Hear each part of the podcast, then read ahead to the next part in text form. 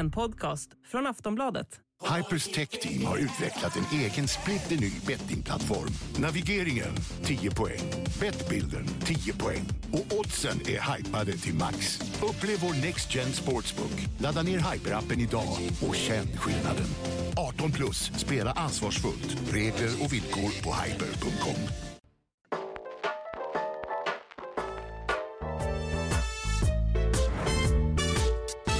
Det är fredag, det innebär att det är hockeymorgon. Eh, och dessutom har vi fått lön också. Har du köpt Ja. något fint, Johanna? Eh, jag har köpt lite aktier. Är det... det är väl bra? Ja, i och sig, ja. Jag har inte hunnit köpa något fint än. Ja, har du något Jag köpte en lyxig kaffe istället för att köra Ja. den på kontoret. Vad, vilken marknad ska man ge sig in på? Du behöver inte liksom namedroppa vilket bolag är. Men Nej. vad, jag, jag har en strategi att bara köpa svenska bolag. svenska bolag. Mm. härligt. Eh, Robin, det känns ändå som att du är lite intresserad av aktier också. Ja, jag har kanske lite mer trader-aura. Ja, Men det, trader-aura. Det, jag köper också bara långsiktigt. Ja, härligt. Eh, ingen som liksom bara chansar lite, Simon? Nej, jag var en daytrader förut. Är det så? Ja, Första året Först- Hur gick det då? Vad, gick minus. Ja. Du känns som en sån som var inne i GameStop-aktierna och rotade. Tyvärr, jag är, jag är lite för passiv. Mm. Du, eh, vi ska gratulera dig också. Till eh, familjens nyförvärv. Du har blivit pappa. Ja, eh, tre timmar innan eh, tolvslaget. Då blev man farsa. snyggt. Mm, grattis. Tack. Och en klassisk hockeyfråga då. Hur känns det? Ja, men, eh, omtumlande. Eh, jätteroligt. Eh, men det har varit liksom... På hockeyspråk, korta byten, spela enkelt. eh, allt det där i början. Men eh, man börjar bli varm i kläderna. Så är det. Jag förstår och känner igen mig. Och grattis igen Simon. Eh, det roliga kommer snart. Så att det är bara att vänja dig. Ja, du brukar prata om vattkoppor eller vad? Vad, ja, vad är det roliga? Eller på just ur ditt Nej, det perspektiv? var ir- ironi. Ja, jo, men vill du utveckla? Ja, men jag har ett tips när förskolan kommer. Eh, rör ingenting. alltså öppna dörren med fötterna eller låt någon annan öppna dörren. Och såna, alltså, såna där grejer. Så att man håller sig frisk. Ja, jag har en uh, polare som skolade in sin son förra veckan. Gick tre dagar så var han sjuk. Ja, ja, nej, alltså man, jag, fick, jag fick ebola första gången jag var där. typ. Så är det. Allt det där kommer i alla fall. Eh, stort grattis. Eh, nu ska vi snacka hockey istället tänkte jag. Eh, och vi kan väl ta då eh, passande nog eh, Luleås eh, fight mot eh, Leksand. Eh, som jag jobbade med. Och eh, ja, Det hände ju mycket, framförallt i sista perioden. Eh, Dels var ju matchen försenad eh, och sen blev det ju också förlängning och många straffar. Eh, men det som liksom fastnade på min näthinna var ju Luleås agerande egentligen. Alltså, jag tyckte de visade på slutet av matchen att de var väldigt frustrerade. Omark tar ju en offensiv utvisning med en armbågstackling som jag tyckte var rätt ful. Mm. Och sen kommer Tyrväinen in och får en femma. Eh, och, och det här vevas ju också gång på gång på jumbotronen. Eh, eh, publiken gör vågen också varje gång och ropar en gång till. Ja. Vilket gjorde att Leksands tränare då, Charlie Berglund inte var så där jättenöjd. Han, eh, citatet till Norrbottens eh, Kuriren. Det är så jävla respektlöst. Ja, just det tycker jag är sjukt onödigt. Liksom. Det behöver man inte slänga upp eh, lite beroende på att man vet inte om han är jätteskadad. Nu var han ju inte det, liksom. men det, det går ju inte att diskutera att det liksom är okej att göra så. Men däremot så gillade jag ändå hur liksom, stämningen eh, höjdes eller blev eh, de sista men, sju minuterna typ av matchen. Det kändes ju som att det var liksom slutspel på gång och Luleå spelade ju definitivt på gränsen men Leksand kunde inte hantera det. Och det är det här vi har snackat om också att Leksand eh, har en sjukt bra formtopp men de tar sig aldrig förbi kvartsfinal och eh, här ser man ju lite liksom som säger, indikationer på att de inte är redo för hur det blir ett slutspel när det liksom kommer in mer känslor i, i bilden och man spelar mycket mer fysiskt och liksom lite på gränsen. Um, så jag tyckte det var kul att se. Bara. Det man ska ha med sig just kring, kring Luleå, det, det, är, det är en klubb när, eh, nu har det varit med Kempe och allt det där, en klubb som, det blir mycket vi mot världen-känsla och de bygger upp någonting där uppe. Eh, det var lite det vi har sett sista tiden här och igår. Samma sak, de, liksom, de bygger en eh, mentalitet att det är vi mot världen hela tiden och i, igår då så mot Leksand kände de liksom jag tror att de kanaliserade i sina spelare på något sätt. Tyrväinen liksom, han blev ju i princip fram till tacklingen. Ja, på, men paradoxalt nog, Luleå tar ju två sena utvisningar och det gör att de når en kvittering. Ja, jag skulle säga att, att, att, att de får en femma på Tyrväinen vänder, vänder på matchen. Det gör att Leksand blir små och det känns liksom lite... De, de, tappar, alltså, de tappar ju skallen. Liksom. De kan ju bara, Challe sa det efter matchen, vi kan ju, varför höll vi bara inte pucken i anfallszon och spela runt? Istället tog de tidiga avslut, liksom, lät Luleå vinna pucken i boxplay och Mm, helt stillastående Ja. och stelbenta. Ja. Exakt. Eh, så att jag, det var typ den utvisningen som gav eh, vändningen. Sen ty, kan man tycka vad man vill om den femman. Matt Cato eh, borde efter ett par säsonger i SHL veta vad, vad som väntar när Johanne Tyväinen kommer som en vilthund bakom honom. Eh, så jag, Jag ty- tyckte nog snarare att det var en rätt eh, stygg och rätt sen tackling på Keito. Alltså, Tyrväinen, det är ändå hans beslut att köra sådär. Han tar ju alltså, risken. Men han har väl gjort hundra sån där och klarat sig. Eh, så jag tycker, jag, jag tycker inte riktigt att, jag, jag tycker inte att det är en- ens en två minuter. Alltså, man, man tar ju väldigt stor risk om man alltid lägger över på att mottagaren ska lyckas undvika mig.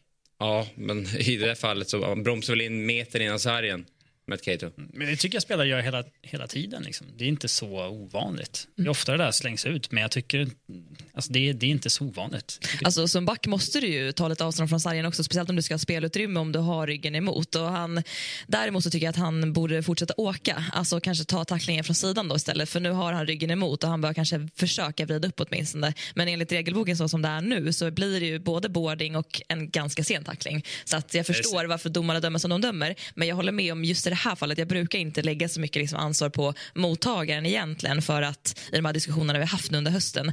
Men han hade kunnat göra det bättre för att han hade så många eh, liksom alternativ. Ja, gott om tid på sig. Jag jag tycker den ser styggare ut än, vad- än vad den är faktiskt. Den hade kunnat bli en ganska liksom, neutral eh, smäll in i sargen bara på honom om han hade, om man hade vetat vad som väntar, tycker jag. jag Alltså för, för sin egen hälsas skull, ja. Men jag tycker inte det är fråntar något ansvar från, från Tyrväinen. Nej, men jag håller med. Mm. Ja, jag är på din linje där Robin. Eh, vi skulle kunna snacka eh, typ en timme om det, men det ska vi inte göra. Eh, Jag vill bara lägga till just, eh, för att som du säger, de vevade ju det där på, på jumbotråden. Jag, jag såg att eh, kommunikationsansvariga i Luleå hävdar att det var, det är liksom, det är tv, det är tv som rullar, det är deras bilder som rullar i arenan. Det de hade kunnat göra är att de hade, man hade kunnat, alltså i sekretariatet stoppat det helt i så fall. Men det är tv-bilderna som, som rullar ute i... Ja, det kändes nästan som att det var typ varrummets bilder. Att domarna ville se tacklingen sju, åtta gånger och att det var det också publiken fick se. För det kom liksom gång på gång på gång väldigt, i väldigt rask takt. Men, tv-produktionen, men då, då, då är det så att sekretariat som ska välja att men då stryper vi allt. Eh, och det är väl det de kanske ska ha gjort i det här fallet. Men... Det, De går det, ut och kollar på videon i sekretariatet om de vill se den, tänker jag också. det brukar ju vara alltså, tvärtom. Jag, jag förstår att sekretariatet kanske inte är på alerten där, för det brukar ju vara tvärtom. Att hade det varit ett Leksands potentiellt matchstraff ska inte det vevas inför Luleå-publiken så att det ska bli liksom, tryck på ja. domaren att eh, ta ett matchstraff. Men här är det ju en Luleå-spelare, så då var de väl inte med på noterna på samma sätt. Sen så gjorde ju publiken det till, till en grej, men det kan nog tycka är lite så här, det, det ska vara riktigt fientligt uppe i Luleå. Det är så det ska vara. Man Ja, ska men det var det också. man ska komma upp dit och vara förkyld på en gång. Liksom, för att, eh, ja, det, det är så det ska vara där uppe. Men det är också då de är som bäst oftast. Ja. När det blir lite vi mot... eh, då, de, nu har de hittat den eh,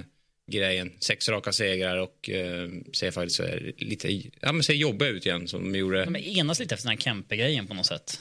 Att ja, ena stan, ena laget och ja, fuck alla som inte vill vara här. Liksom. Nu kör vi. Nu ska vi gå vidare. Ja. Vi ska eh, lyssna till eh, Jonathan Dahlén i samband med eh, surströmmingsderbyt. Timrå vinner surströmmingsderbyt här mot Modo. 2-1 Jonathan Dahlén. Du, eh, hur skönt var det här? Nej, det var jätteskönt. Eh, Det var en tillknäppt historia och eh, kände ändå att vi hade lite övertag på dem och var det bättre laget. Så det var skönt när 2-1 gick in och sen borde vi kanske haft några fler kassar men eh, det blir lite onödigt spännande. Och du är återförenad med den allsvenska succékedjan igen här med Lundin och Hartman. Ja, precis. Nej, men det, har, det har känts bra. Vi har spelat bra de här, eh, de här matcherna vi har varit ihop här och eh, levererat bra och, och lirat på så det, det är jättekul att spela med dem. Segermålet också, det var en hy- hygglig mackare till Hartman. Ja, men det var fint att drä- drämma upp den i krysset också av eh, Hartman. Han passade mig förra matchen så det fick man bjuda tillbaka idag. Ett mål värdigt ett avgörande i en sån här eh, slaget om Västernorrland. Ja, precis. Nej, det, var, det var jättekul. Det var mycket mer kamp idag än vad det var tidigare derbyn och det, så det, det var, var en härlig derbymatch. Eh, ni hade for- seriens formsvagaste lag eh, länge här efter juluppehållet. Nu har ni fyra raka segrar igen. Vad är det som har hänt? Ja, eh, jag tycker vi spelar lite mer med pucken och vi är lite mer drivande i spelet och eh, vi har ett puckskickligt lag så, så när vi spelar med puck så blir det bra och känns som att vi antingen vinner fem i rad eller förlorar fem i rad så jag hoppas på lite mer stabilitet nu här framöver. Vad känner du för din egen del? Eh, nej, men det har känts bra. Eh, det var en tuff start de första fyra omgångarna. Eh, runt om med minus sju och noll poäng. Och, eh, det var en, en tuff start men eh, sen tycker jag ändå att det, det har rullat på i, i bra takt. Det är klart det går upp och ner som, som för resten men det, det är skönt att vara på vinnarspåret och, och vara med och bidra. Nu är ni på allvar med också i striden om topp 6 här. Ja, det är där vi vill vara så det, det är kul. Nu måste vi bara fortsätta vinna. Det var Jonathan Dahlén det som intervjuades av Abris som i sin tur ska intervjuas av oss. Jag tror att han är med. Ja, men titta, där är han ju. Härligt. Eh, god morgon Abris. Eh, jag eh, läste din krönika att du var lite besviken över att derbykänslorna saknades på isen. Kan du utveckla det lite grann? Eh, ja, men det är väl så det har blivit lite grann. Jag tycker inte den här heta rivaliteten finns där riktigt på samma sätt som förr. Så man är lite bitter över det. Då. Det var väl eh, en dubbelutvisning och en delaying the game vad vi, vad vi fick ihop igår under hela matchen. Så det var, men det var väl en eh, fartfylld match om vi får säga så. Då. Men mer som, kändes mer som en, eh, en vanlig SHL-match än två rivaler som verkligen avskyr varandra. Eh, och vi hörde dig prata med, med Jonathan Dahlén efteråt. Eh, hur kommer det sig att han helt plötsligt har placerats i en tredje kedja? Ja, men Timrå har väl hållit på och mixtrat med sina kedjor hela säsongen känns det som för att hitta rätt kemi och eh, den här är ju den gamla succékedjan då från, från eh, ja, när de var i Allsvenskan kan man väl säga där med Albin Lundin och Hartman och Dahlén då så att eh, man vill väl sprida ut produktionen lite mer och man har ju ganska många offensiva forwards där som, som är skickliga så att eh, jag tycker att det är ganska smart. Dessutom har man ju fått en väldig snurr på den här Lander, Vedin, Hollander-kedjan också. Jag tror man hade gjort typ 14 poäng på tre matcher eller någonting sånt här inför den här. Så att eh, Timrå har ju många offensiva hot. Det gäller bara att placera ihop dem eh, så att man får ut max av allihop. Eh, Jonathan nämner också att de är liksom väldigt, eh, ja, det svänger mycket upp och ner i deras eh, form. Men nu är de ju då seriens formstarkaste lag med fyra raka segrar. Eh, vad är det mer än liksom den här eh, kedjeomkastningen som gör att de faktiskt eh, eh, ja, har hittat eh, den formen? Vi får väl lyfta fram Morten Matsen-effekten då kanske. Den assisterande sportchefen klev ju ner i, i båset där om det var inför Frölunda-matchen. Va? Sen har de ju radat upp fyra raka segrar. Så att eh, ny röst i båset där och eh, lite förändrade kedjor är väl den stora förklaringen. Sen vet jag inte om man har kommit överens. Det blir alltid en turbulens när man får veta att tränaren inte ska vara kvar. Eh, jag tror att Timrå led av det eh, ett, ett tag. Och nu kanske man ändå har bestämt sig för att nu jäklar ska vi köra och göra det bästa av Antes då, Anders Karlssons sista månader i, i klubben.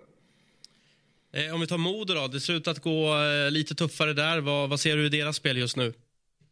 Nej men det är ju trubbigt liksom. Modo gör det bra utifrån de förutsättningar man har. Det är ett, stort, det är ett allsvenskt lag egentligen. Eh, ska man säga. De spelare som har kommit in har ju liksom inte lyckats lyfta laget. Råhem är redan, redan borta därifrån. Eh, Daniel Reagan har ju varit skadad och så vidare. Så att de här spetsspelarna som man har tänkt eh, försökt värva in då har ju liksom inte riktigt lyft laget. Så att det är ju fortfarande liksom Riley Woods och Dickinson och Agard som är, som är bäst offensivt där. Och så såg det ut även förra säsongen. Så att det är ju det är trubbigheten framåt som, eh, som jag tycker fäller Modo. Sen har ju försvarsspelet inte heller varit bra på sistone. Nu var det bra igår. Men, men spelet med puck behöver ju också bli lite bättre. Du satt ju bredvid Modos eh, eh sportchef Hannik eh, Gradin igår. Var, fick du ut någon eh, murvelinformation därifrån? eller? Nej, man jagar ju en forward. Eh, det, han är ganska öppen, Henrik. Så att, nej, men det är ju en forward framför allt man letar. Men han sa väl som alla andra jag pratat med när det gäller både agenter och, och sportchefer och allting senaste veckorna att hitta någonting som verkligen förstärker laget. För Modo ska inte in en fjärdekedjespelare utan man behöver ju ha någon för topp 6. Och eh, hitta en sån spelare nu som vill gå till ett lag som ska slåss i en bottenstrid det är, och som inte kostar hur mycket som helst, det är inte så lätt. Ja, utöver det, det du såg igår, då, Abres, var, vart placerar du Modo i tabellen när grundserien är slut? Jag har ju tippat Modo i kvar, så jag får väl stå fast vid det. Eh, att, de, att de kommer att hamna där. Mm. Härligt. Har du, det såg ut som att du hade en fråga, Simon. Ja, eh, du, det är åtta lag som gör upp om topp sex egentligen. Tror du Timrå kommer vara topp sex när vi summerar, Abres? Ja, tippa Timrå den här säsongen känns helt omöjligt för det går ju väldigt, väldigt upp och ner. Men, men eller eh, den eh, ammunitionen framåt liksom med, med alla för. Så jag säger att de kommer sexa. Där har vi eh, tipset för Modo och för Timrå. Vi ska gå vidare i programmet, Abis. Alltid kul att ha dig med och en fortsatt eh, trevlig morgon till dig. Hälsa Roger så mycket från mig då. Det ska vi göra. Eh, så fort eh, vi har Roger med oss så ska vi hälsa. Eh, ja, Timrå som ändå smyger med då. Eh, och med Dahlén ändå i tredje kedjan. Vad säger vi om det?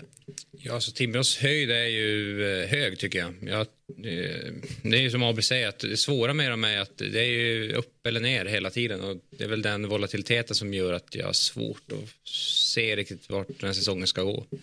Ja, alltså Jonathan Dahlén bär ju laget så som han förväntas, men man har inte fått riktigt det där utfallet på Anton Vedin, Anton Lander och de andra spelarna som man skulle bygga eh, kring Dahlén. Och ingen av dem har ju liksom passat ihop med honom på det sättet. Så att, eh, där får man gå tillbaka till Lundin Hartman. Men eh, det är väl lite för mycket som hänger på honom, tycker jag. Man får väl ändå lite känslan att om Timrå tar sig till slutspel och sen vet vi med, med Antro som ska lämna att de kan bli rätt farliga för att det kan komma lite taktiska drag möjligtvis från Ante. Mm. För att han vet att han ska lämna. Att så här, nu testar jag det här. Det kan bli alltså, en mm. överraskningseffekt tänker jag. Ja, sista resan med, med gänget lite grann. Ja, men kanske att man vill liksom vinna för hans skull om man nu har liksom varit uppskattad, vilket det verkar som. Så att, eh. ja, men du vet, för att plocka mål sen i andra perioden och grejer. ja, Bara, testa, här, ja, sjuka testa sjuka grejer som, som sen går in. ja, exakt. Hör du mig Roger och hör vi dig? Det är den stora frågan. Ja, nu ska, nu ska vi se. Ja, men vad härligt. Eh, ja. Välkommen Roger. Eh, god morgon. Ja, Hur är läget? Är. Tack så mycket. Läget är bra. Jag har slagit mig genom trafiken i Göteborg precis. Det kan vara svårare än att coacha en hockeymatch ibland. Du, jag känner igen det där. Eh, det är väldigt många mot i Göteborg. Det är väldigt svårt att ta sig ut från stan. Det är inga för, utan det är mera mot. Jag håller med. du Roger, vi snackade lite om, eh, om vi börjar med det då, eh, den kanske mest omdiskuterade händelsen igår i er match eh, var ju tacklingen då på eh, Filip Hasa. Eh, och han skejtade ut då till Oskarshamns bås. Eh, vad säger du om situationen och hur mådde Filip efter matchen? Ja, nummer ett så var han ingen bra. Det, det är ju en, eh, det, det, är ingen huvudtackling. Det, men jag, jag, tycker den går under benämningen som man förr kallade tjuvsmäll. Det, det, en väldigt smart spelare. Jag tror det är eh, Palula va? som tacklar och det, det, är en väldigt smart spelare. Och han ser att Filip inte är redo att ta emot tacklingen och kommer från blindside och tar ändå chansen för att jag tror att han är rätt frustrerad. Han var inblandad i någon situation just innan och det, det är sånt som händer i ishockey. Så, äh, lite tråkigt tycker jag. Det, det, det var onödigt det som ändå var kanske lite mer glädjande, eh, väldigt fina bilder tycker jag ändå när Viktor Lodin då tar hand om honom i Oskarshamns bås. Eh, han du uppfatta att just det hände också? Det är, väl, eh, det är bra för att vi, vi har satt stort värde i Frölunda på att man inte ligger kvar och sprattlar på isen och så för, för, utan tar sig till båset och det är fair play. Så det är väl lite karma i det då att han varit omhändertagen av Oskarshamn till och med. Eh, och matchen, ni gav Oskarshamn eh, lite försprång igår och sen eh, 4-0 i mittperioden, vände fullständigt. Vad, vad säger du om er insats, Roger? Nej, prestationsmässigt är det tre bra perioder faktiskt. Det är, det är, lätt att tro att första perioden var dålig, men jag tror de gjorde två mål på tre målchanser. Det är ju, det är ju faktiskt så Oskarshamn vinner matcher med, med, med sitt offensiva spel och Karlqvist och gänget som, som, som är väldigt giftiga. När man ger dem halvlägen så blir det... De gör ju mycket mål på de chanser de får, men eh, stabil prestation tycker jag. Jättebra. Vi kan hålla lugnet efter att hamna i underläge 2-0 på hemmaplan mot, mot ett offensivt Oskarshamn. Det är bland de svåraste uppgifter man, man kan rodda i den här ligan. För det, det är lätt att man springer på efter 2-0 och vill göra, göra mål och tappa bort defensiven och så tre har ett stadigt grepp om matchen. Så det är jag stolt över hur killarna mentalt hanterade, hanterade den utmaningen igår. Nu har ni kunnat eh, utvärdera Mikael Roma i några matcher och han spelar ju för närvarande med, med Friberg och Strömvall i, i första kedjan. Vad var tanken med den värvningen inför och eh, hur tycker du att det har fallit ut liksom nu när han har fått några matcher på sig?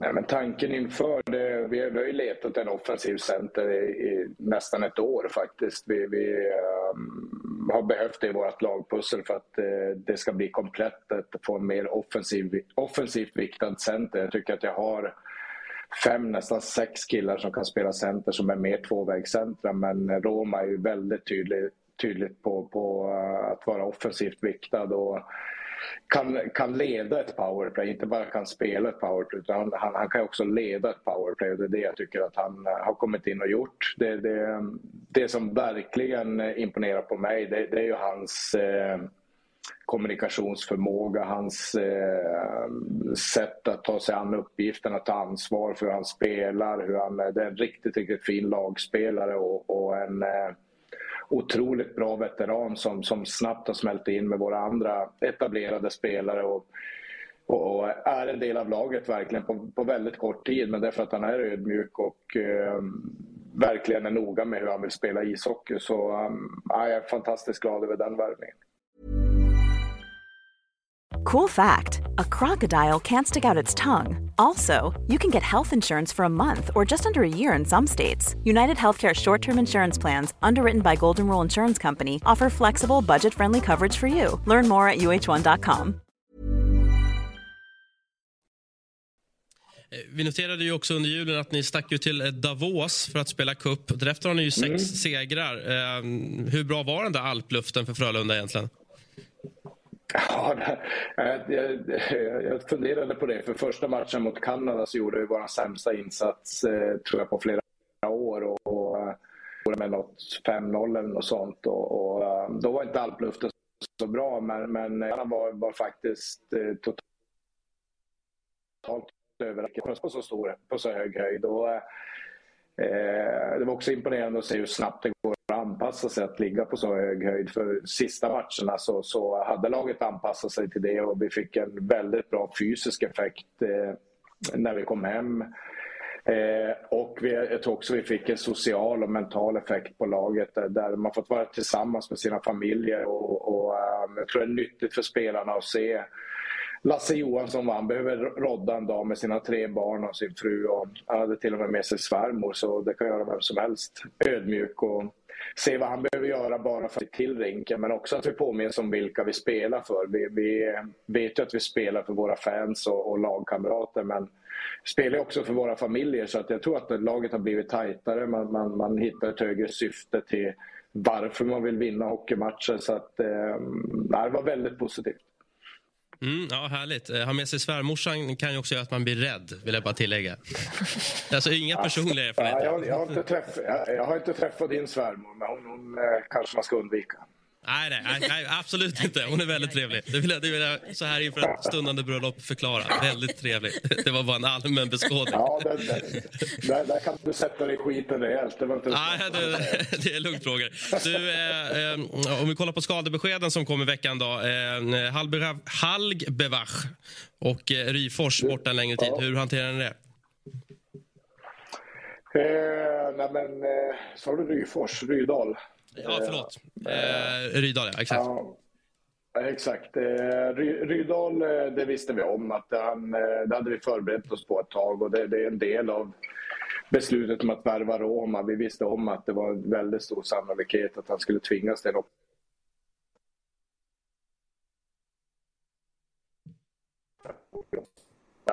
Oerhört tråkigt för oss. Ehm, samtidigt så har vi en bred forwardstrupp i och med att unga spelare som vi har skolat in nu.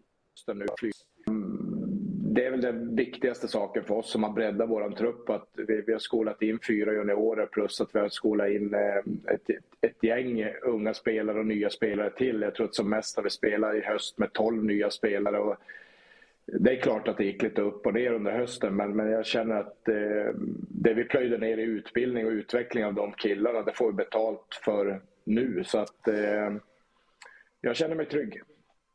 Hur eh, liksom fungerar ditt jobb eh, om du coachar en, eh, liksom en junior som gör sin första SHL-match och om du coachar då Mikael Roma till exempel? Liksom, är det jättestor skillnad på hur du uppträder då?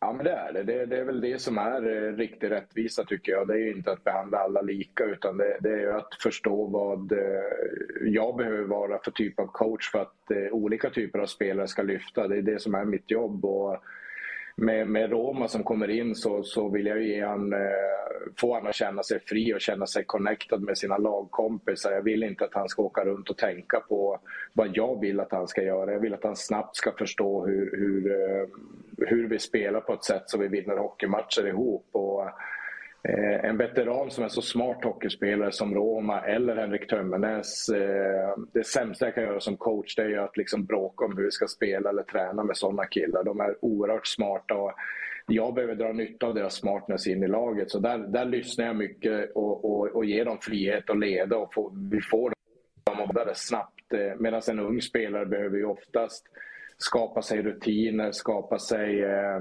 strukturer för att bli en professionell atlet framför allt. Att, eh, många unga spelare är inte vana att spela tre dagar i veckan i, på, på den här nivån. Så det är lite annorlunda men samtidigt så är det viktigaste unga spelare också vill ha det att de vill känna att deras coach tror på dem så att de får en trygghet och får en, eh, en, en, en, en, en känsla av att de verkligen vågar spela hockey där ute. Eh, hur ser det ut på spelarfronten annars? Är det några nya spelare på väg in? Är det någonting som kan hända i Frölunda, tror du? Ja, vi har faktiskt några riktigt bra spelare på väg in. Alltså, jag anade en viss, en viss ironi i svaret. nej, nej, nej, jag tänkte bara att det hade varit kul om jag, om jag droppar sånt. Men eh, nej, det, det är mina managers som jobbar med det, Fredrik Sjöström och Andreas West. Så att jag, jag coachar de spelare jag har jag tycker jag har en bra trupp. Sen, sen har vi lite skador just nu på, på Tömmernes och Hasa eh, i, igår. Då, så att, eh, men när vi har en frisk trupp så har vi en bra trupp. Eh, och jag tänker kring, kring formen då, Börje, redan nu ändå här, som coach sneglar du ändå lite på slutspelet och när är det en liksom, bra timing från ditt perspektiv att börja sätta den där formtoppen inför ett slutspel? Nej, men det går inte att tänka så. Vi har, vi har så jämn serie och, och direkt man dipper eh, 5% så förlorar man en hockeymatch i SHL. Och jag, jag, det gäller att vara ödmjuk och att inte titta för långt tycker jag. För, eh, vi vann igår, men vi, matchen innan så, dip, så tycker jag vi gick ner de här 5 procenten och då, då smäller det till mot Örebro. Eh, vi, vi gör en bra match mot Skellefteå innan det, jättebra. Vi är uppe nära våra 100 procent. Eh, men matchen innan det så går vi ner mot Timrå, kanske 10 procent och då förlorar man rejält. Så att, eh, det gäller att få upp den här nivån varje, varje match egentligen, för då förbereder man sig på bästa sätt för slutspel tycker jag. Eh, ni väljer att gå väldigt hårt på Lasse, eh, Lasse Johansson i mål. Är det en, ett önskemål från Lasse att spela väldigt mycket eller är det målvaktstränaren som bestämmer det eller är det du som resonerar att eh, vi ska gå väldigt hårt på, på Lasse? Ja, men det är egentligen alla tre du nämnde där. Både jag och Peter Iversen som är målvaktstränare och Lasse har hela tiden en dialog så att han får en bra balans mellan träning och spel. Men eh, han är väldigt svår att sätta åt sidan i och med att han spelar så bra. Det är egentligen den enklaste förklaringen. Han, han, han har varit fenomenalt bra för oss. Och han är, om vi pratar om att spelare ska vara ledare så är Lasse en otrolig ledare för oss för vårt försvarsspel och vårt boxplay och så vidare. Så att, eh, han, han, dirigerar längst där bak allt som händer. Till, han står till och med och skriker på liksom forwards som ska backchecka i anfallszon eller i powerplay och så vidare. Så att, han, eh, han är kanske den viktigaste ledaren vi har ute på isen och, och, och eh, han klarar av att stå mycket. Han, han är så pass etablerad och, och, har de här mentala processerna så han kan, han kan koppla av mellan matcher i periodpauser och så vidare. Så mentalt orkar han stå mycket och vara tålig och han eh, behöver också träna på det inför ett slutspel. Så lite så tänker vi.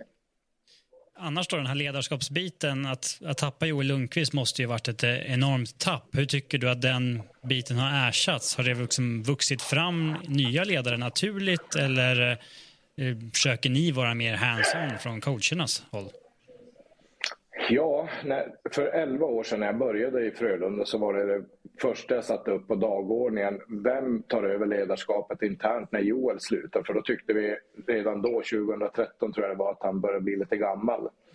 Eh, och, och, snart skulle sluta. Så vi förstod att för att han är en fantastisk ledare och kapten och, och, och då sa vi att vi måste, vi, vi måste jobba med ledarskapet. Så, så vi har jobbat med, med, med ledarskap eh, verkligen fullt ut med, med Niklas Lase och sen Max Friberg och, och, och de spelarna, även Tömmernes var med på den tiden, att, att de skulle ta ansvar och vara ledare och göra andra bättre. Så vi, vi, har verkligen satt det som det högsta värdet eh, som är nummer ett för oss i Frölunda. Det har en stark kärntrupp som, som eh, driver föreningens eh, värderingar och som är föreningens för, värderingar. Så att Max Friberg är ju Frölunda så att jag behöver inte börja den processen det här året utan det har vi jobbat med i flera, flera år och, och Niklas Larsson har jobbat med sitt ledarskap i massor med år. Så det, det, det, har blivit en väldigt bra eh, fortsättning på deras ledare som, och, och, de har klivit fram lite grann och, och Tömmernes har kommit tillbaka i år. Vi har Lasse, vi har Folin,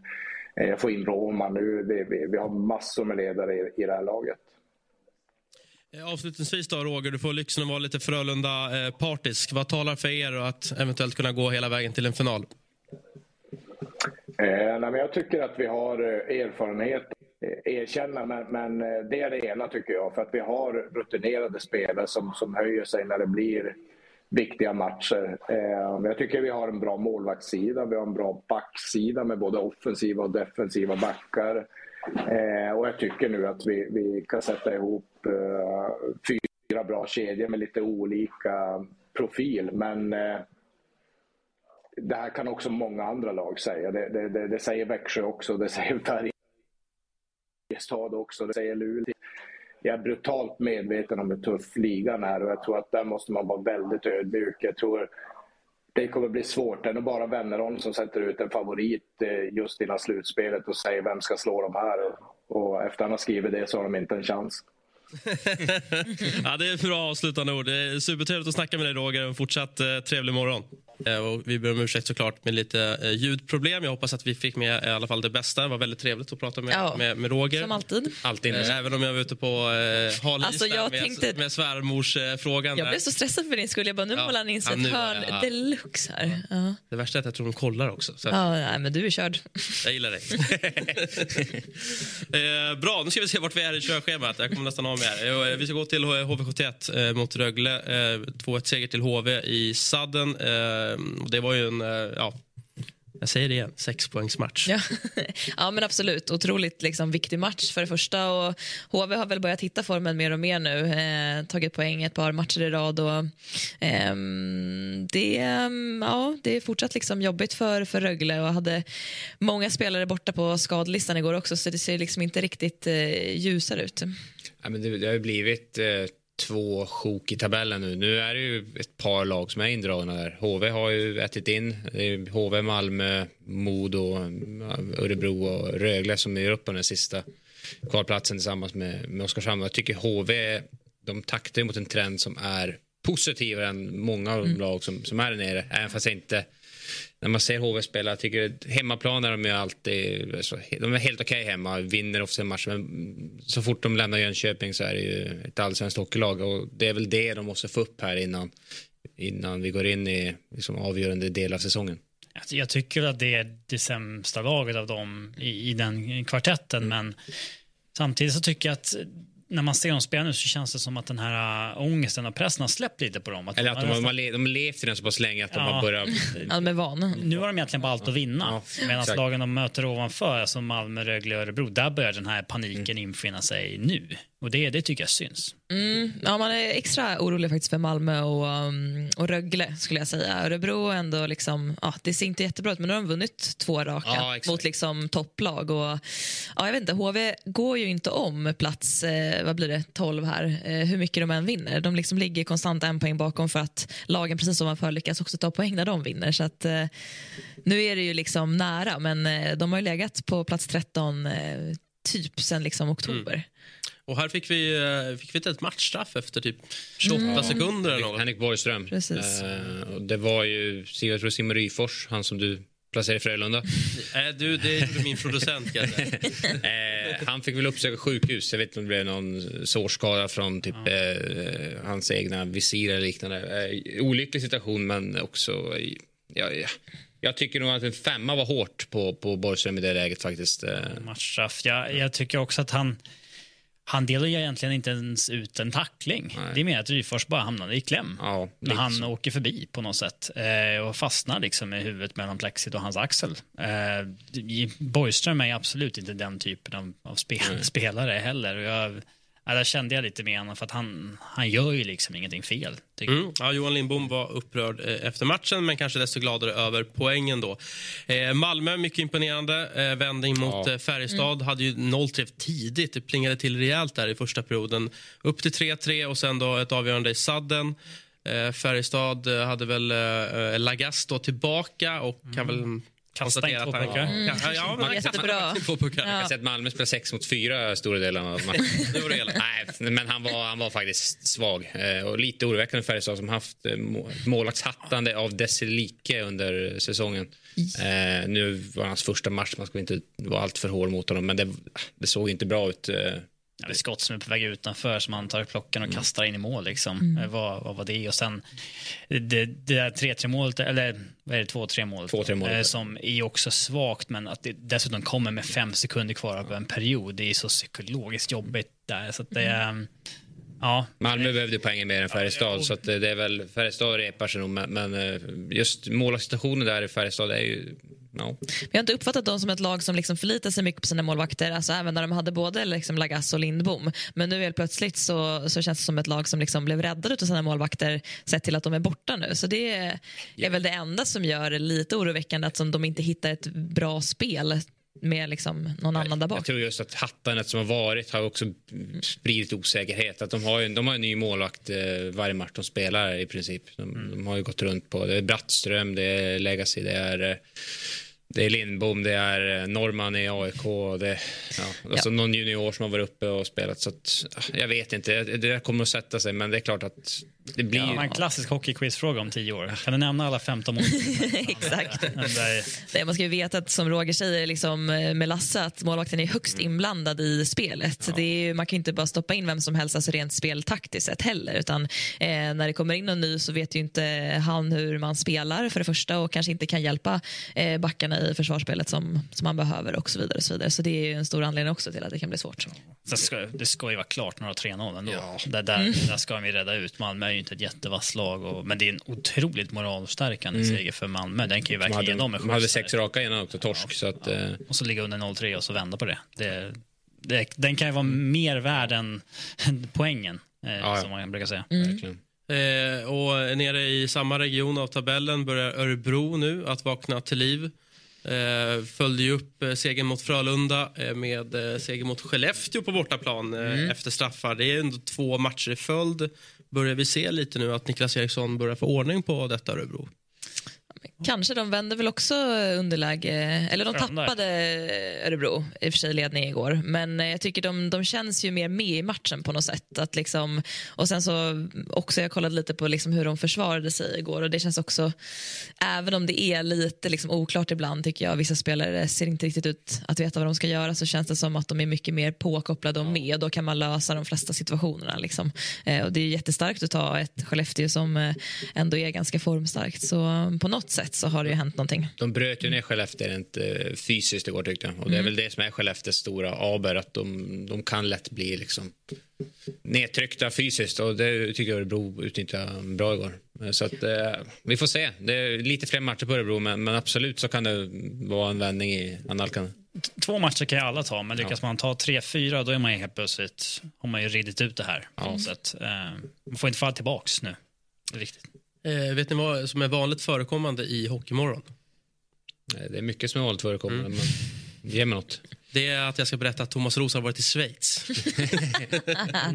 Eh, som Dyrt vackert. Ja, exakt. Som första svenska reporter träffat Mario Kempe som ju lämnade Luleå eh, ja, väldigt abrupt för drygt en månad sedan. Han har ju berättat att han led eh, av ångest under tiden i Luleå. Ehm, och behövde medicinera för att må bättre. Ett av citaten är ju då, eh, jag mådde inte bra i Luleå, det räckte med att jag såg hallen så fick jag ångest. Eh, och det har varit så här sedan i somras eh, när han kom tillbaka från sin andra tuffa knäskada. Och att han har tagit då, kontakt med sin agent tidigt och sagt att det kanske var bäst att, att lämna då, Luleå. Vad, vad säger vi om, om intervjun och om Marius svar? Nej, men som, som de flesta vet så det rör upp ganska starka eh, orkanstyrka i Norrbotten såklart att han, när han lämnar det och allt banderoller och, och, och allt sånt där. Och jag tror väl inte att de, de här orden från, från Kempe direkt har liksom fått vinden att mojna. Eh, det är nog rätt många som ser igenom hans hans svar. Sen eh, finns det de andra... Det där är en av de risigaste banderoller jag har sett. Mm. Alltså man, man, man kan göra det här som supportrar, tycker jag, eh, med lite kanske humor, glimten i ögat. Det där, eh, det suger. Alltså tycker jag i alla fall. Oavsett om det är. Luleå eller om det är liksom vilket lag det nu må vara. Men det där är bara så... Det är så... Men, usch, jag blir Men- bara förbannad när jag ser det. Ja, jag håller med. Men vad menar du med ser igenom? För att det är lite svårt tycker jag att argumentera emot när de pratar om psykisk ohälsa. Ja, nej, men alltså, jag tror det är rätt många som, som ser det som, som skitsnack. Eh, och det finns de i andra ringhörnan som, som såklart, det är en kille som lider av psykisk ohälsa, vad, vad, snackar, vad snackar de om?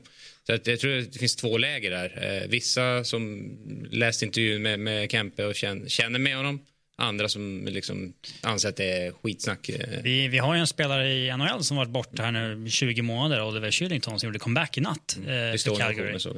Ja, och eh, han har ju varit borta för att han har mått, eh, mått dåligt och så där, men jag, jag tror nog många kan titta på Kempe om man kommer från Luleå och känna att okej, han behövde inte vila några 20 månader utan han ville bara vara någon annanstans. Eh, och då, jag tror att man, man där ser det som att det blir liksom ett sånt alibi. Man bara kan slänga fram alltid bara för att man vill eh, flytta eller för att man, eh, ja, eh, jag tror många inte köper det riktigt. Nej, Nej, det, det kan ju vara så, men det är också svårt att jämföra. Alltså, det är ganska enkelspårig liksom, argumentation att så jämföra två situationer med psykisk ohälsa och säga att de beror på samma sak och kan lösas med samma sak. Så det finns ju olika lösningar. I Oliver Kylington, i Kylingtons fall så var det ju liksom något liksom extern som hade påverkat liksom, någon familjerelation och Mario Kempe verkar ändå ha mått dåligt liksom, i klubben och kanske man mår bättre när man, när man drar. Alltså, ingen. Luleå borde haft så mycket problem med att han skulle gå för att han hade ju inte passat in där ändå. Han hade inte varit någon Nej, han sa ju det själv. Att, det- han menar ju på att en del supportrar tyckte att han skulle få sparken redan alltså, Ja, han var första inte- säsongen och nu är de samma supportrar arga för att han har lämnat. Mm. Det blir ju... det är väl eh,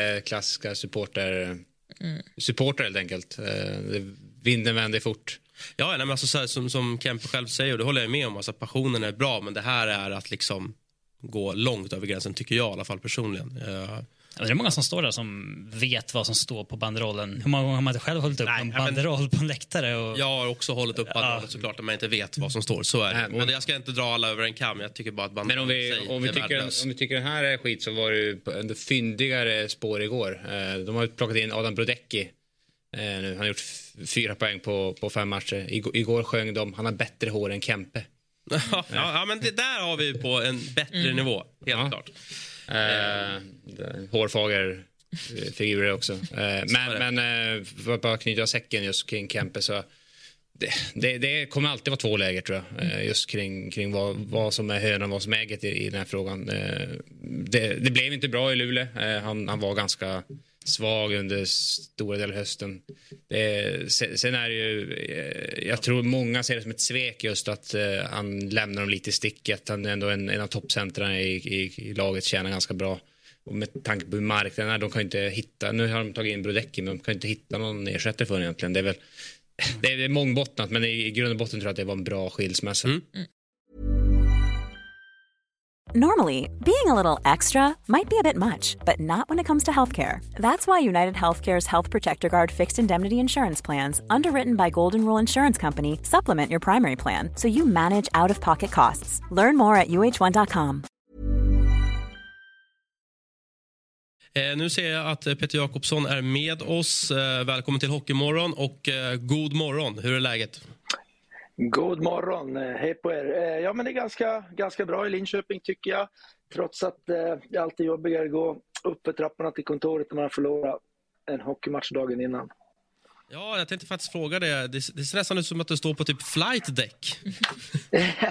ja, nästan så. Jag har utsikt eh, åt höger över bandyplan där ungdomarna håller till utomhus och sen har jag utsikt eh, mot stora isen till vänster här. Så att, eh, jag har det bra här uppe på ena hörnet av Saab Arena.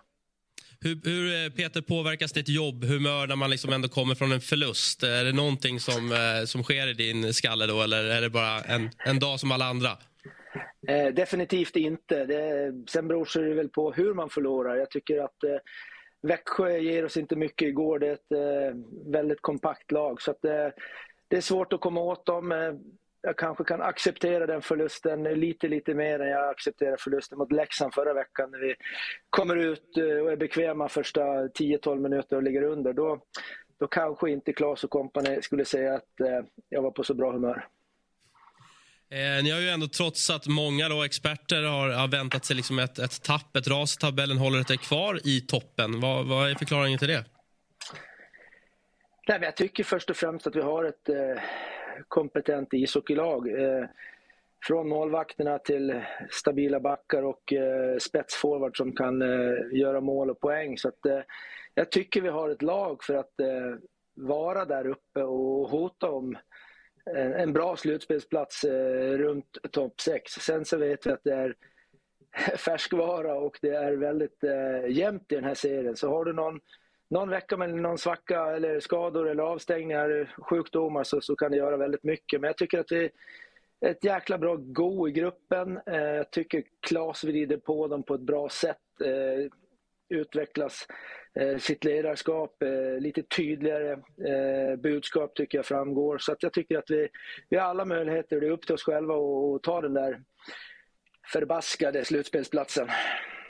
Du, eh, förändras ditt eh, arbete någonting med tanke på att ni... Jag menar, nu ligger ni ju eh, bra med i tabellen, marginal topp 8. Jag menar, hur du jobbar inför nästa säsong kontra hur det varit tidigare år när ni har liksom legat lite mer av, i, liksom, i bottenregionerna när säsongen ska summeras. Förstår du frågan? Liksom, är det Definitivt. lite lättare för dig att blicka framåt? Ja, det är lättare att blicka framåt och eh, enklare att prata med spelare och agenter.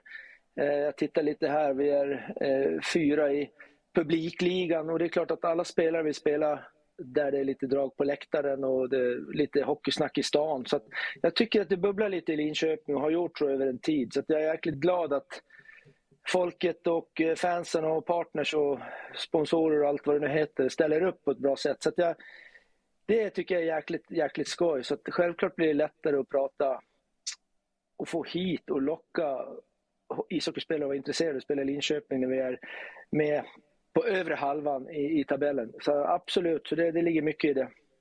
Eh, och det är ju den tiden på året då det börjar ryktas väldigt mycket. Eh, ni kopplas ihop med Färjestads Oskar Lavner och Kalmarbacken Erik Norén exempelvis. Finns det något intresse där eller finns det någonting du kan meddela kring det? Eh, sådär brutalt tråkigt att vi, vi pratar väl inte den här årstiden om spelare i andra lag. Så, att, eh, så får väl svaret bli den här, den här fredag morgonen. Jag tolkar det som att båda två är klara. det får stå för dig. eh, eh, någonting som vi däremot vet är att du kommer få Tony Mårtensson vid din sida eh, till nästa säsong. Hur pass involverad är han i lagbygget redan nu då för nästa år? Eh, jag träffar Tony emellanåt och eh, vi försöker ha ett samtal varje dag eh, när han har lunchrast från sitt andra jobb. Så att, eh, nej, men jag pratar mycket med Tony Tony är involverad eh, jättemycket. Tony är en väldigt klok och eh, duktig hockeykille, gjort det bra där i Almtuna. Så att jag försökte redan få in han till, till den här säsongen men då hade han lovat Almtuna att han skulle köra vidare där. Så att, eh, det ska bli jätte, jätteskoj att få in Tony Mårtensson och eh, vi känner redan att det, det, kommer göra oss väldigt, väldigt gott. Så att, eh, perfekt när han kommer hit eh, ordentligt den första maj. Jag tänker att det kanske är enklare att prata om, om, spelare som du faktiskt har kontrakt med. Jag tänker på Sebastian Strandberg, Jesper Pettersson med utgående. Hur ser eh, dialogen ut kring de två? Ja, men vi för en dialog med deras deras agenter. Så att, eh, det är väl så mycket jag egentligen kan säga. Så att, eh, det, det pågår en, eh, en förhandling och en dialog med, med dessa, dessa två gentlemän. Och naturligtvis väl många eh, Linköpingssupportrar som tänker på en sån som Tyretti och Högberg naturligtvis. Eh, att det kanske finns intresse utifrån kring den duon. Ja, det, så blir det ju alltid när, när spelare gör bra saker och eh, bägge två har ju kontrakt nästa år men de har ju möjlighet att lämna för, för utlandet. Så att, eh, nu vet jag att bägge två trivs väldigt, väldigt bra. Men eh, jag har full förståelse och full respekt att det drar intresse till sig när man spelar hockey som, som de gör och kanske en av de absolut bästa målvakterna i ligan och, och killen som leder poängligan. Så att, eh, men eh, vi ska väl se om vi kan ta en diskussion med dessa, dessa herrar också framöver. Hur jobbar ni och ledarstaben nu kring att liksom upprätthålla den här höga nivån ni haft under säsongen och liksom se till att baxa en bra slutplacering och liksom ta, med fart in i slutspelet?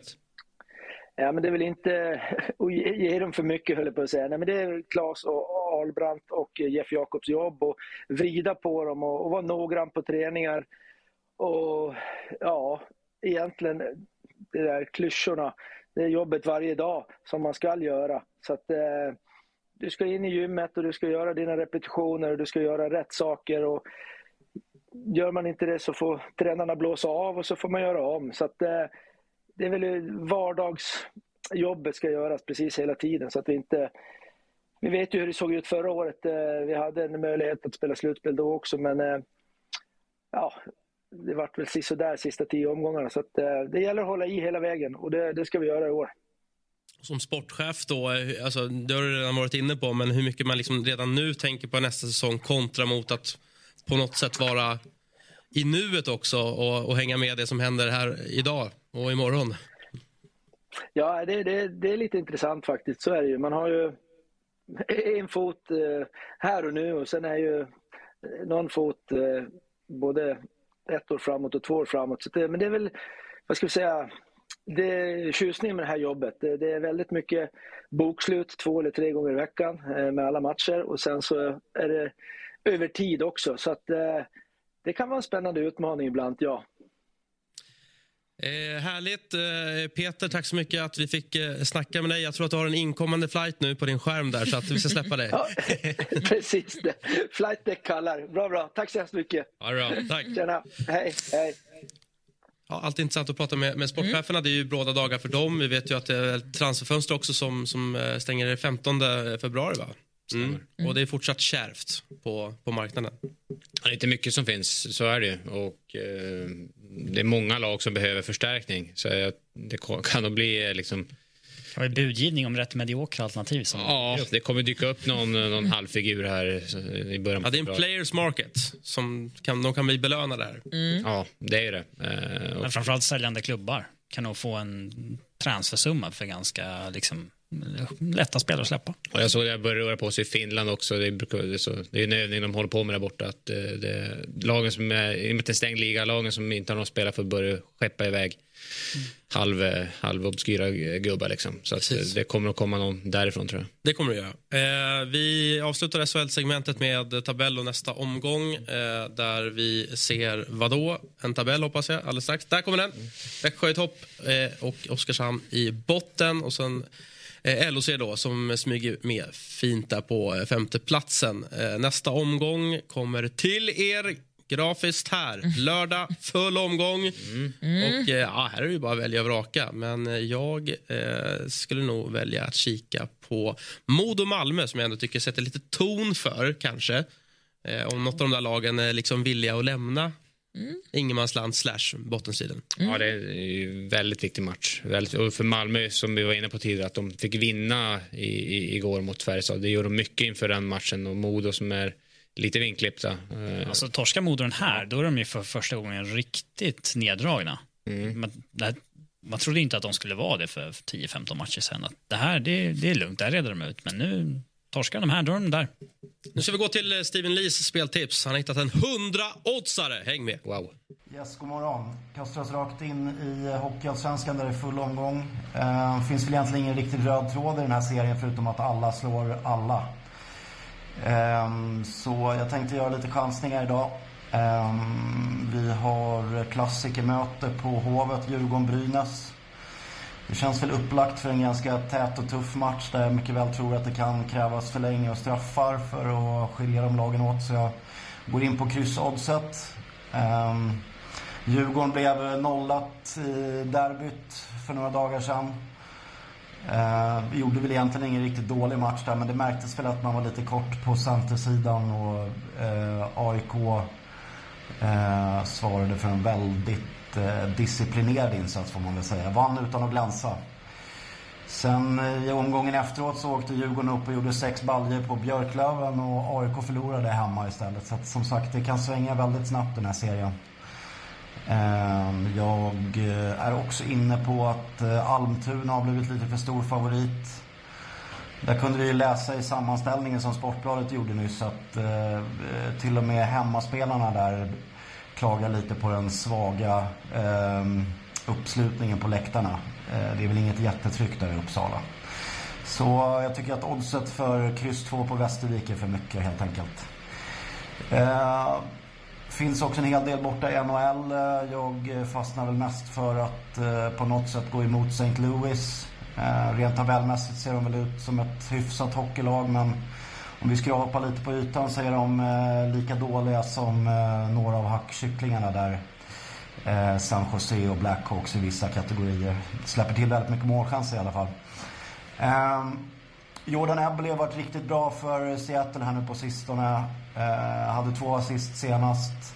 Inget i powerplay tror jag, men eh, hade två riktigt fina egna lägen i PP. Och mitt spel blir där att Eh, Jordan Ebbeley gör minst en poäng i numerärt överläge. Så vi landar på eh, det lilla smala totaloddset på 100 gånger pengarna. Så det är bara att tuta och köra. Ha det bra. Tja! Tack Steven, har det bra själv. Tack för tipset. Eh, Hockeyallsvenskan ska vi avrunda med. Eh, och, eh, jag noterade på sociala medier att det var grinigt efter ja. Djurgårdens seger eh, i Umeå. Eh, starkt eh, mot Björklöven.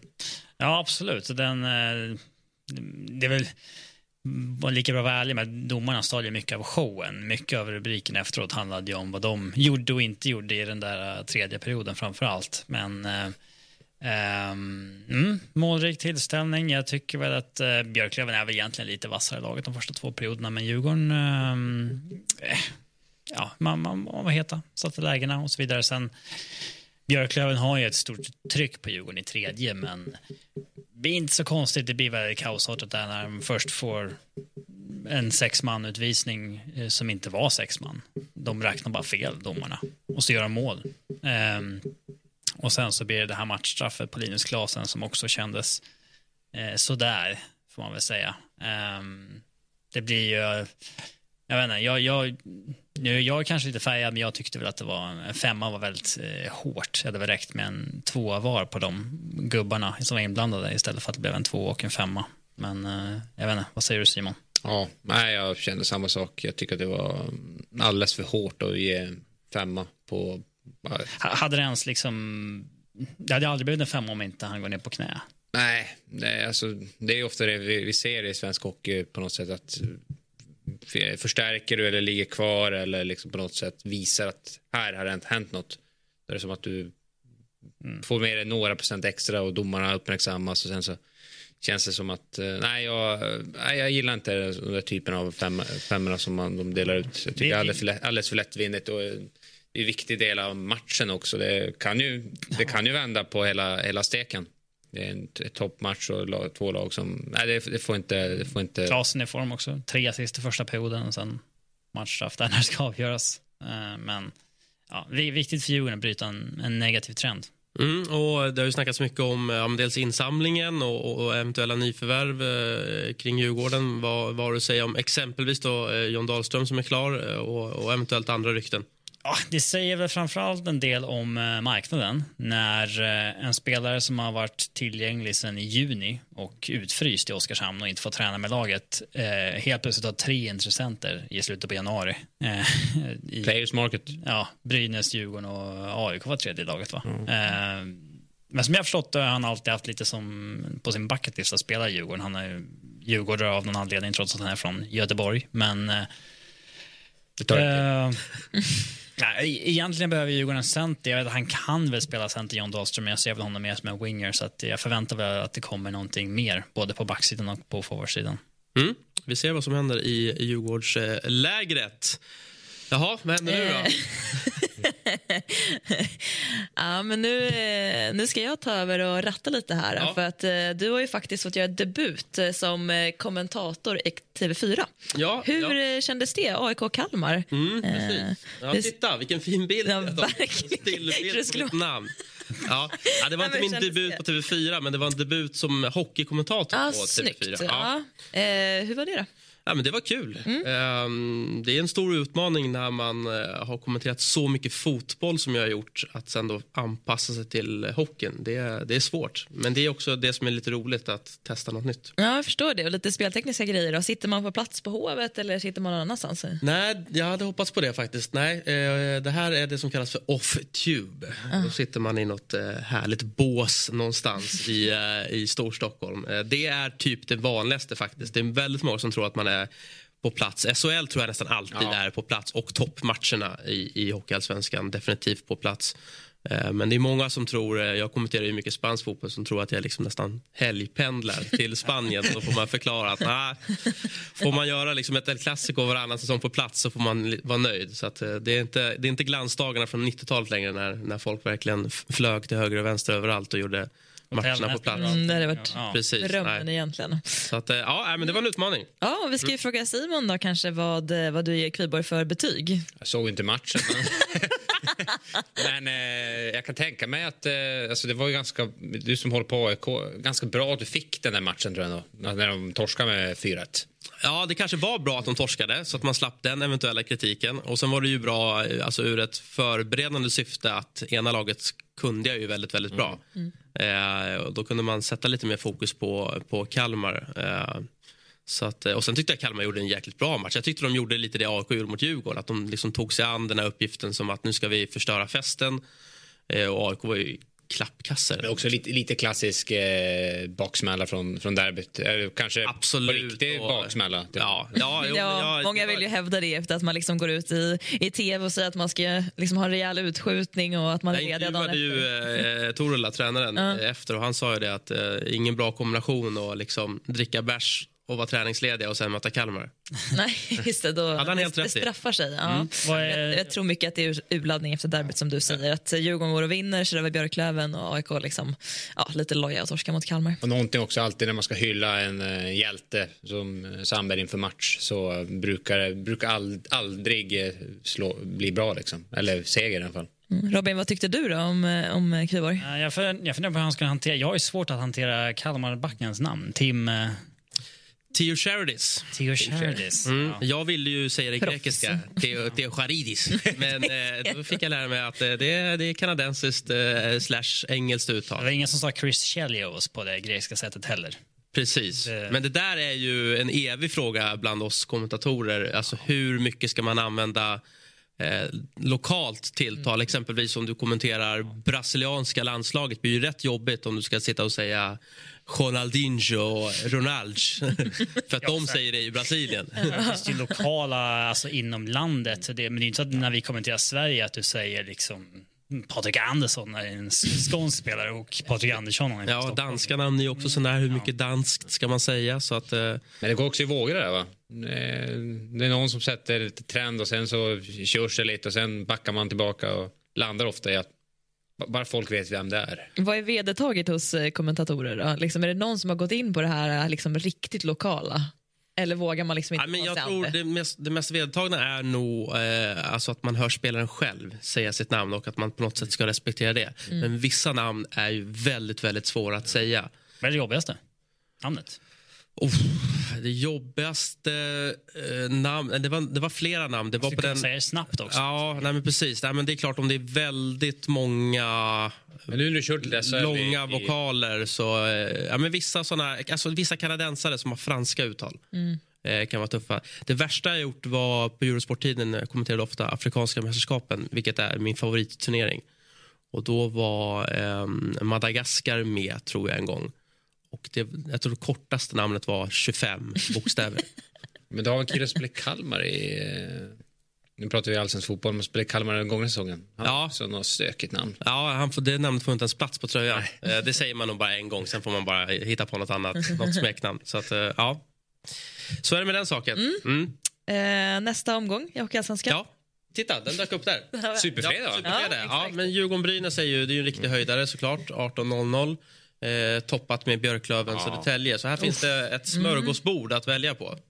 Just det, nu är det en ny bra AIK igen ja, för din del också. Ja, det är ju det. Kul. Mm. Ja. Mm, mm, viktigt Vikt- för bröllopet där. Ja, Och efter precis. dagens... Uh, Debacle. Nästan så ge Nybro-segern bara. Ja, Exakt, ja, verkligen.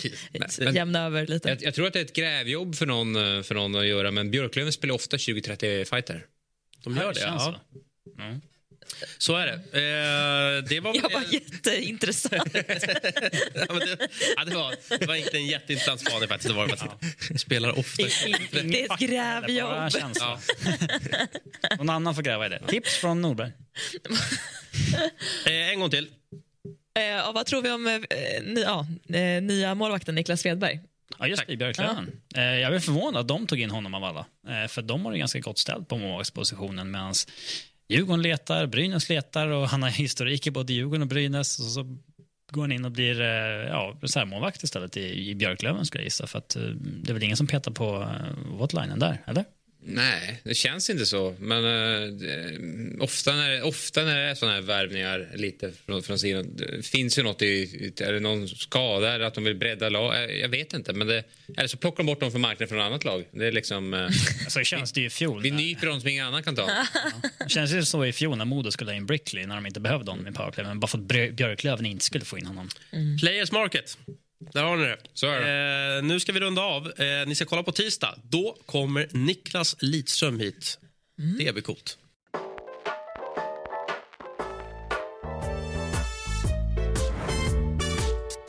Du har lyssnat på en podcast från Aftonbladet. Ansvarig utgivare är Lena K Samuelsson.